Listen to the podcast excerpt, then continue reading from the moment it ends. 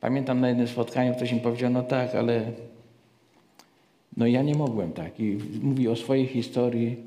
To jest fakt i to jest prawda, że my nie wybieramy, w jakiej rodzinie się urodzimy. To, to nie zależy od nas. Czy się urodzisz w takiej rodzinie, czy w takiej, nie masz na to wpływu. Ale masz wpływ, w jakiej rodzinie twoje dzieci będą wzrastać.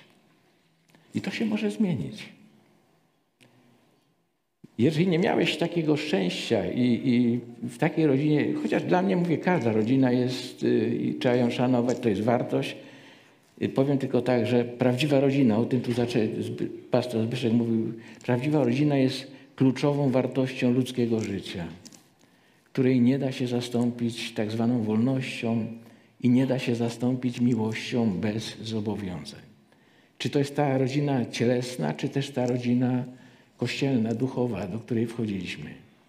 Jak wchodzisz do tej rodziny, tracisz wolność i musisz kochać, y, jest miłość, jest zobowiązanie. Jeżeli chcesz prowadzić wygodne życie, czasami mówi, no jak się ożenisz, będzie ci lepiej. Nie, nie będzie ci lepiej. Nie będzie łatwiej. Nie będzie wygodnie. Jeżeli ktoś, jeżeli ktoś szuka wygodnego życia, to niech zostanie sam. Ale ja nie mówię, że to jest szczęśliwe życie. Jeżeli chcesz, jak ktoś powiedział, że małżeństwo jest dla radości, rodzina jest dla radości. Jak zapytacie rodziców, co najwięcej kłopotu im w życiu sprawiło, to powiedzą, że dzieci.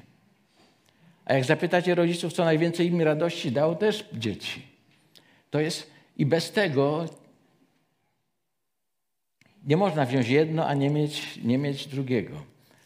Ale dzisiaj y, chciałbym powtórzyć jedną lekcję, którą kiedyś tutaj miałem i myślę, że dla niektórych będzie to powtórzenie, ale wiem to, bo w czasie wakacji w którymś roku, chyba rok temu, y, nie wszyscy byli. Y, I to, o czym chciałbym dzisiaj mówić, to jest droga rodziców Samsona. To droga wielu z nas. O Samsonie czytamy w, w Księdze Sędziów. E, to są trzy rozdziały: 13, 14, 4. 13, 14, 15 i 16. Nie, nie przeczytamy wszystkich, ale kilka wierszy przeczytamy. Zaczniemy od pierwszych pięciu wierszy i potem e, z, tego 13 rozdziału i, i potem 24, 25. Posłuchajcie. Lecz Izraelici znowu czynili zło w oczach Pana. Pan, Pan więc wydał ich w ręce Filistyńczyków na 40 lat. A był pewien mąż Seroa z rodziny Danitów imieniem Manoach. Żona jego była niepłodna, nie rodziła. Kobiecie tej ukazał się anioł pański i rzekł do niej, oto ty jesteś niepłodna i nie rodziłaś, ale poczniesz i porodzisz syna. Tylko teraz uważaj, nie pij wina i mocnego napoju, ani nie jest niczego nieczystego, gdyż oto poczniesz i porodzisz syna. Brzytwa nie przejdzie po jego głowie, gdyż chłopiec ten od urodzenia będzie Nazyrejczykiem Bożym i zacznie wybawiać Izraela z ręki Filistyńczyków. I wiersz 24 i 25 czytamy tak. I porodziła ta kobieta syna i nazwała jego imię Samson, a chłopiec rósł i Pan mu błogosławił. I zaczął działać w nim duch pański po obszarze zamieszkałym przez Danitów między Seroa, Sorea i Esztaol. Jak już powiedziałem, nie zdajemy sobie sprawy, jak wiele podobieństw jest w naszej, na naszej drodze do drogi rodziców Samsona.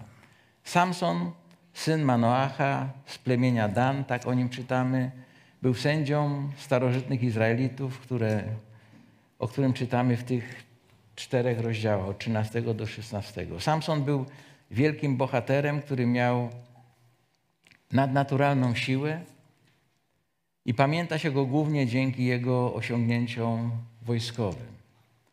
W całym opisie jego życia znajduje się wiele odnośników do faktu, że spoczywał na nim duch Pana. To czytamy w 13 rozdziale, w 14, w 15, że spoczywał na nim duch Pana. Jego działalność ograniczała się do równiny nadmorskiej do kraju Judy, gdzie starał się on zakończyć okupację filistyńską na ziemi izraelskiej. Bóg tutaj przez anioła mówił do żony Manoacha, że on będzie Nazarejczykiem, to znaczy poświęcony Panu do konkretnego, do konkretnego zadania. Ale zacznijmy od początku. Matka Samsona nigdy nie poznaliśmy jej imienia. Tylko tyle, że była bezdzietna, nie mogła urodzić, co w tamtych czasach było strasznym losem dla kobiety. Zawsze uważano, że jest to wina kobiety. Dopiero tysiące lat później dowiedzieliśmy się, że może to być również problem mężczyzny. Ale w jej przypadku bezpłodność była jej problemem, była bezpłodna. Żona Manoacha nie jest jedyną, której historia zaczyna się w ten sposób. Jest wiele innych historii podobnych do jej. Bezpłodne kobiety, które urodziły wielkich mężów, którzy zmieniali historię i którzy przynosili pokój dla Izraela. Pan zmienił jej los, uczynił niemożliwe możliwym i dokonał prawdziwego cudu. Samson jako sędzia w Księdze Sędziów został wybrany przez Boga przed narodzeniem. Jako jedyny. Jego wyjątkowość poświadcza narodzenie z bezpłodnej matki.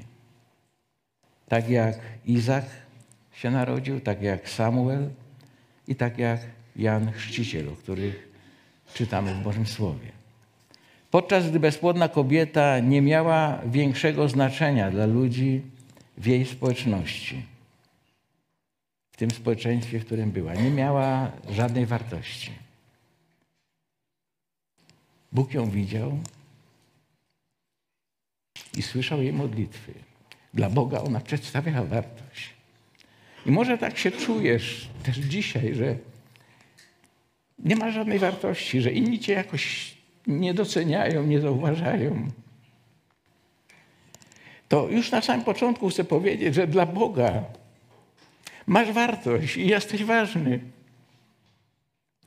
I Bóg słyszał jej modlitwy. Niewiele wiemy o żonie Manoacha.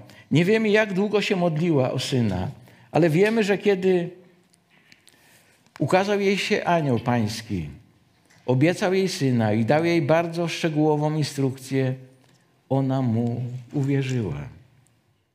Jej mąż, jakbyśmy czytali tam dalej, od 9 do 20 wiersza, nie będziemy czytać, prosił Pana, aby pozwolił aniołowi również przemówić do niego. I Pan też wysłuchał Manoacha i potem ona jeszcze drugi raz zobaczyła anioła, kiedy pracowała na polu. Anioł potwierdził tę historię, też tej historię kobiety dla jej męża, jak tam czytamy. I wtedy też Manoach pytał anioła, to jak mamy go wychowywać, co mamy robić, żeby on osiągnął ten cel, ten, jaki Bóg ma dla niego. Mąż bał się o swoje życie, odkąd widział Pana. Kobieta była jednak pełna nadziei, miała mieć syna, syna, który miał pomóc wybawić Izraela z rąk Filistynów. Samson, syn niepłodnej kobiety, został pobłogosławiony przez Pana zgodnie z instrukcją, że żadna brzytwa nie dotknie jego głowy. Jego rodzice bali się Pana i przestrzegali Jego przykazań. Tam jak się w to wczytamy dokładnie w te fragmenty, przestrzegali przykazań, prowadzili sprawiedliwe, święte życie. Niektórzy z nas Powiem, musieli czekać lata, zanim Pan pobłogosławił nas dziećmi. Ja nie musiałem. Podczas gdy inni, jak już powiem, ja byłem w takiej sytuacji, że mają jakby bez wysiłku. Dzieci nam się rodziły. Ale wszyscy, niezależnie czy długo czekałeś, czy y, to dziecko ci przyszło od razu, ale wszyscy, którym przyznano zaszczyt i odpowiedzialność za wychowanie dzieci, zamierzają i starają się robić to starannie z Bożą bojaźnią. Każdy chce wychować swoje dziecko jak najlepiej. Każdy ma jakiś plan dla, dla swojego dziecka. Uczymy nasze dzieci bać się Boga, jeżeli mówię, myślę tutaj o wierzących ludziach. Uczymy ich Bożego Słowa, uczymy ich Bożych przykazań. Wielu z nas ma pewną nadzieję lub wizję dla naszych dzieci i wizję i nadzieję na ich przyszłość. Nasz bohater Samson miał pewne wady, miał słabości. Tą słabością były ładne kobiety i najlepiej jak były z zagranicy. Cudzoziemki. Jemu się bardzo podobały. Przez większość życia nie myślał o Bogu. Było to sprzeczne z tym, co zostało zrobione wbrew woli jego rodziców i wbrew wszystkiemu, czego go nauczono. Ale mimo wszystko Pan postanowił wykorzystać jego słabość, by pobudzić Filistynów albo znaleźć zaczepkę, jak czytamy w 14 rozdziale wierszu czwartym. Samson i jego rodzice pojechali do Timny.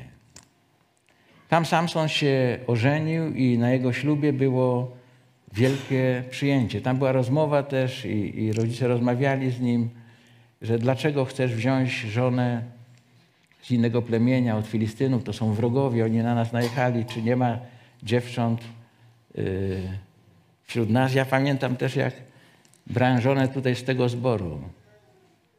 A ja pochodziłem ze zboru zielonoświątkowego. Jeden brat z zielonoświątkowego mi to każe, nie ma w naszym zborze dziewcząt, że... Oczywiście to, to była trochę inna sytuacja, albo całkiem inna. Y, to byli wrogowie y, Izraela. Samson na przyjęciu zadał gościom zagadkę. Kiedy oni jechali tam do, do tej Timny, po drodze, e, to było przed winnicą, na jego drodze stanął lew. Samson podszedł do tego lwa, rozerwał go na dwie części i gołymi rękoma i ten i odrzucił na bok. Potem jak, jak e, wracali, tam w, tym, w tej padlinie pszczoły zrobiły sobie gniazdo i tam był miód. On wziął ten miód, jadł i też potem jak na weselu w związku z tym była zagadka, którą zadał, Y, to, mia, to miało związek z tym y, wydarzeniem, ale powiedział tak, że jeżeli odgadną, y, tam było 30 facetów, którzy przyszli, bo bali się trochę Samsona i żeby go pilnować. I on im powiedział tak, jak odgadną zagadkę, to on im da 30 lnianych odzieży i świątecznych 30. A jeżeli nie odgadną, to oni mają jemu to przynieść. I oczywiście Filistyni zmusili jego żonę, by zdradziła zaufanie Samsona i podała im rozwiązanie. I ona męczyła Samsona, męczyła, aż Samson jej powiedział to rozwiązanie zagadki. Oni ją, grozili jej, że ją spalą, zabiją, jeżeli ona im tego nie powie. I ona podała im rozwiązanie. Samson oczywiście musiał wypełnić, poszedł. Y, jest zdobył w ten sposób, że zabił innych Filistynów, przyniósł te 30, 30 e, szat, dał im, ale Samson wrócił do domu, odszedł e, od swojej żony do swojego domu. E, a bez jego wiedzy żona Samsona została oddana innemu mężczyźnie, jak czytamy w 20 wierszu, w tym 14 rozdziale, o czym on dowiedział się, gdy później przyszedł z powrotem do, do niej, chciał do niej wrócić. E, w swoim gniewie Samson spalił żniwo, zboże Filistynów. Pamiętacie, jakbyście tam czytali, złapał lisy, 300 lisów do ich ogonów, przywiązał po dwóch do jednej pochodni i puścił ich w zboże, które było dojrzałe, ale jeszcze nie zrzęte i to wszystko zostało spalone.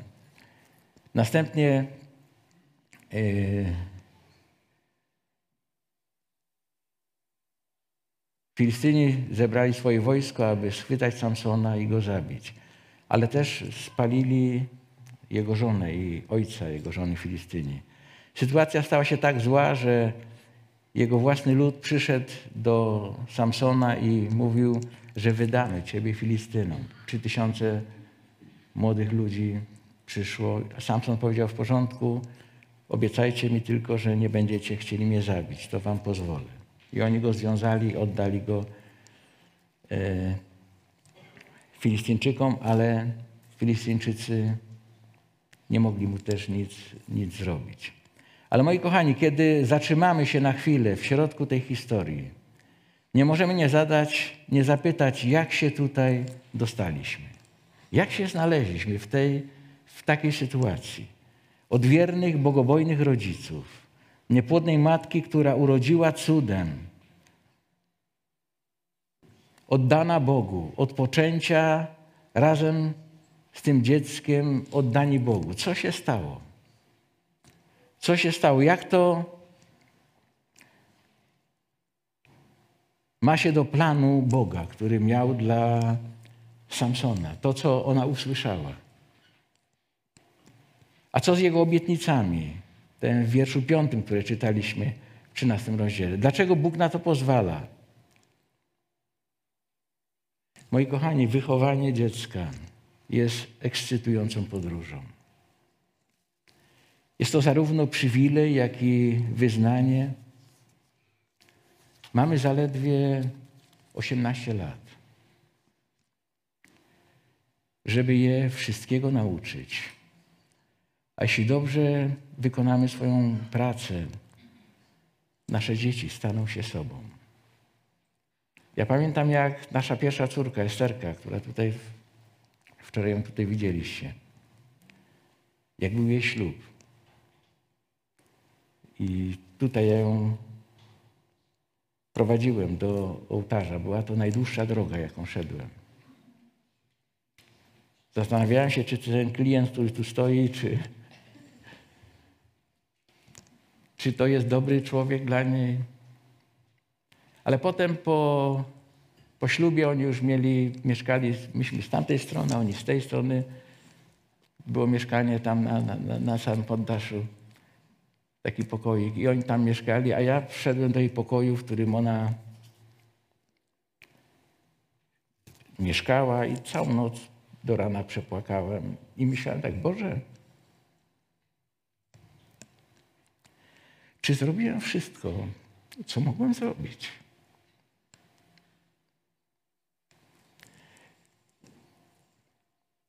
wtedy sobie uświadomiła, że dzieci nam są dane na jakiś czas. Dłuższy, krótszy, ale są nam dane. Bóg wybrał ciebie, ciebie, żeby wychować, żeby zrobić dla nich to, co dla nich jest najlepsze i najważniejsze. Wybrał najlepszych rodziców, jakich mógł wybrać dla nich. I moje pytanie było, Boże, czy ja zrobiłem wszystko, czego, co mogłem zrobić? To może to nawet nie jest 18 lat, bo potem, potem jak są małe, ty możesz im nakazać. Możesz kazać, masz tu siedzieć. Może jeszcze jak nie sięga nogami, to tak jak mi kazano, nie wolno ci machać nogami, jak, bo, bo to przeszkadza. To możesz, możesz nakazać. Ale potem ten czas, kiedy już podrośnie, nie wiem, 15, 14 czy 16 lat, potem możesz tylko doradzać. Też masz odpowiedzialność, ale jak ma już 18 lat, to możecie posłuchać albo nie. Wciąż to są nasze dzieci. Ale mamy, powiedziałem, 18 lat, aby wszystkiego nauczyć. A jeśli dobrze wykonamy swoją pracę, nasze dzieci staną się sobą. Jako wierzący poinstruowaliśmy nasze dzieci o drogach pańskich. Opowiedzieliśmy im o Jezusie, o Jego słowie, o zbawieniu. Nauczyliśmy ich bać się Pana. Okrywaliśmy ich modlitwami od poczęcia i pierwszego dnia byliśmy dla nich przykładem. Do tego, czego ich zachęcaliśmy, sami to praktykowaliśmy. Moi kochani, jeżeli nam nie chce iść się na nabożeństwo, dlaczego dzieciom ma się chcieć? Jeżeli oni widzą, że dla nas nie jest coś ważne, Dlaczego dla nich ma być to ważne? Czy budowanie relacji, czy traktowanie innych ludzi. Oni obserwują, jeżeli dla nas nie jest coś ważne, dlaczego dla nich ma być to ważne? Tak, wychowując popełnialiśmy błędy i prawdopodobnie zrobimy więcej, ale jako ludzie dobrej woli możemy powiedzieć, że zrobiliśmy wszystko, co można było zrobić. Zrobiliśmy wszystko, co można było zrobić. Tak wielu z nas może powiedzieć, że zrobiłem wszystko. Ale co, jeśli nasza historia również nie wygląda tak, jak się spodziewaliśmy? Tak jak mama Samsona, tato Samsona spodziewali się zupełnie czego, czegoś innego. Ale też mogę powiedzieć, zrobili wszystko, co mogli zrobić. Zrobili wszystko, czego Bóg od nich oczekiwał. I zrobiłeś to wszystko. I co, jak, jak Twoja historia, czy moja historia nie wygląda tak, jak oczekiwałem, tak, jak się spodziewałem? A jeśli to dziecko, o które się modliłeś, wydaje się być przeciwne wszystkiemu, czego je uczono, kwestionuje wszystko, w co wierzysz. A co jeśli to jest wręcz krępujące, a dzieci wszystkich innych radzą sobie jakby o wiele lepiej? Ostatecznie Samson pokonał Filistynów wielkim zwycięstwem. I poprowadził lud przez 20 lat, jak czytamy w wierszu 20 w 15 rozdziale. Można by pomyśleć, że nauczył się swojej lekcji i będzie trzymał się z dala od cudzoziemek. Ale nie mógł się oprzeć dalej. Pojedyncza wizyta, jak czytamy tam, poszedł do strefy gazy, do prostytutki, prawie zakończyła mu życie, a później znowu zakochał się w niewłaściwej kobiecie. W końcu to była Dalila. W końcu zdradził jej sekret swojej siły i ona obcięła mu włosy, doprowadzając do ogolenia mu głowy, jak czytamy w 16 rozdziale wierszu 19. A potem opuściła go moc, siła, został schwytany, skrępowany i skierowany do pracy w filistyńskim więzieniu. Kiedy odebrano mu wzrok, może o wzroku dwa słowa tylko powiem na marginesie. Wiecie, że główną przyczyną jego kłopotów to były oczy. I to była rzecz, którą stracił. Ja czasem myślę, jak ten, jeżeli lepiej, żebyś stracił oko, a został uratowany. Samson stracił obydwa oczy. Kiedy odebrano mu wzrok, kiedy został oślepiony, zaczął widzieć na tyle jasno, że mógł zobaczyć, skąd brała się jego siła i zaczął modlić się o siłę, aby pokonać Filistyńczyków. Tak naprawdę, kiedy stracił oczy, kiedy stracił wzrok, zaczął widzieć. Jest wiele historii, które mówią, ja tu często ją powtarzam, jeszcze raz przypomnę. Jednego rabina, który od urodzenia był ślepy. I sceptyk przyszedł do niego i mówi, Rebe, jak ty możesz wierzyć w Boga, jeżeli ty nic nie widzisz? A mój synu, to co trzeba, ja widzę. To, co trzeba, ja widzę, to, co jest istotne, ja widzę. I moi kochani, jedna z największych niewiedzy, jaka jest w życiu człowieka, to jest to, że wiesz wszystko oprócz tego, co powinieneś wiedzieć. Znasz wszystko, tylko nie znasz tego, co powinieneś znać. Co może, co może uratować Twoje życie, życie Twojej rodziny i, i wielu jeszcze innych, którzy są wokół Ciebie.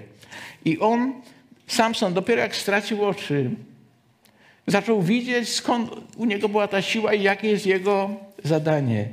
Jego ostatni odważny czyn odebrał mu życie, ale także zgładził wszystkich władców Filistynów, niszcząc świątynię Dagona. Bóg odnowił siłę Samsona dla jego ostatecznego zwycięstwa. Pomimo swojej słabości, Samson zyskał uznanie wśród bohaterów wiary, jak czytamy w liście do Hebrajczyków w 11 rozdziale, wierszu 32. Jest wymieniony w tej liście jako ten, który jest bohaterem wiary. Posiadając tak wielką siłę, może gdyby nie był uwikłany w grzech, dokonałby więcej, ale jednak na jakiś czas ograniczył działanie Filistyńczyków i Izrael nie został usunięty z ziemi obiecanej. Na jakim etapie rodzicielskiej drogi jesteś? Czy Twoje dzieci nadal mieszkają w domu z Tobą, czy już opuściły swoje gniazda? Nie wiem, jak wygląda Twoja historia, ale mogę Ci powiedzieć, że wielu rodziców powiedziałoby, że ich historia bardzo się różni od tego, co myśleli, czego oczekiwali. Że bardzo się różni od tego, na co mieli nadzieję, czego się spodziewali, kiedy dzieci ich do, dorosną. Historia Samsona może nie wydawać się zbyt zachęcająca z perspektywy rodziców, a to jest prawdziwa historia. Taka ona jest. Pan użył zarówno siły, jak i słabości Samsona. Użył siły, jak i słabości Samsona.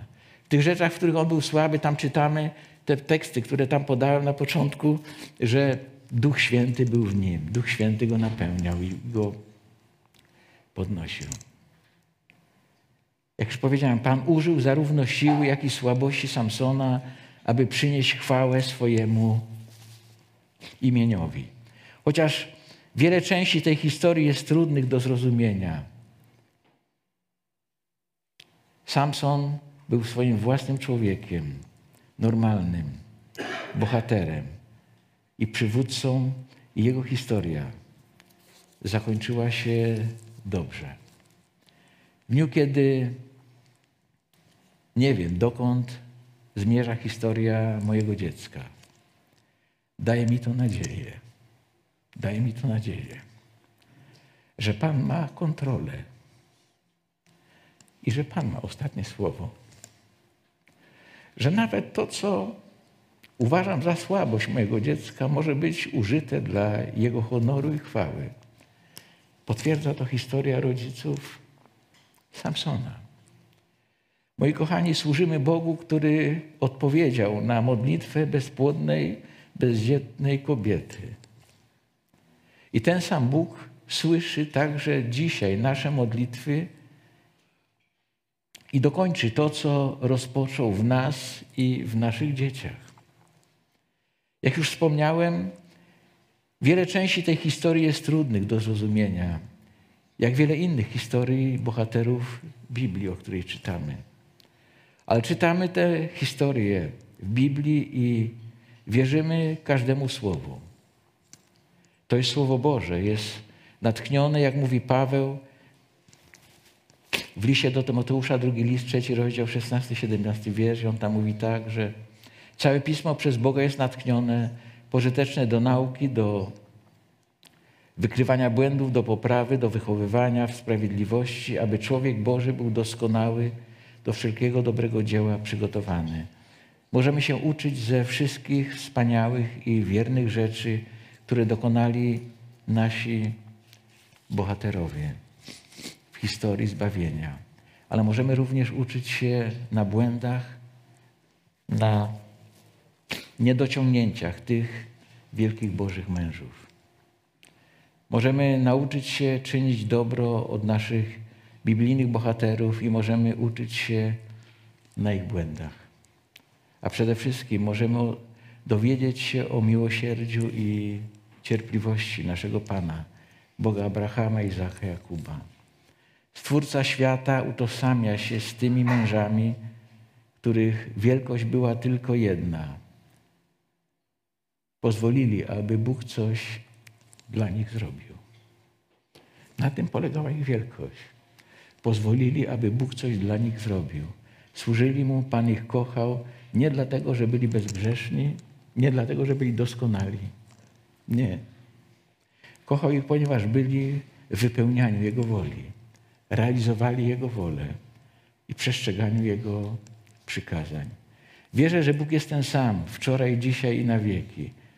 Moi kochani, Bóg nie szuka idealnych mężczyzn i nie szuka idealnych kobiet. Bóg nie szuka doskonałych rodzin. Szuka ludzi, którzy są gotowi żyć i chodzić z Nim. całym sercem i w pełni Jemu oddani. Czasami upadają, czasami popełniają bardzo duże błędy czy grzechy, ale cały czas pozostają i podtrzymują związek, podtrzymują relacje.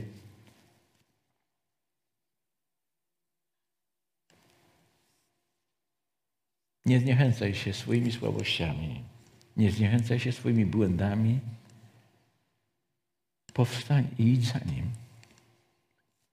Ta historia i inne, o których czytamy w Biblii, nie daje Tobie ani mi przyzwolenia na czynienie zła i niedbanie o swoją rodzinę. Ta historia nie daje nam przyzwolenia na to.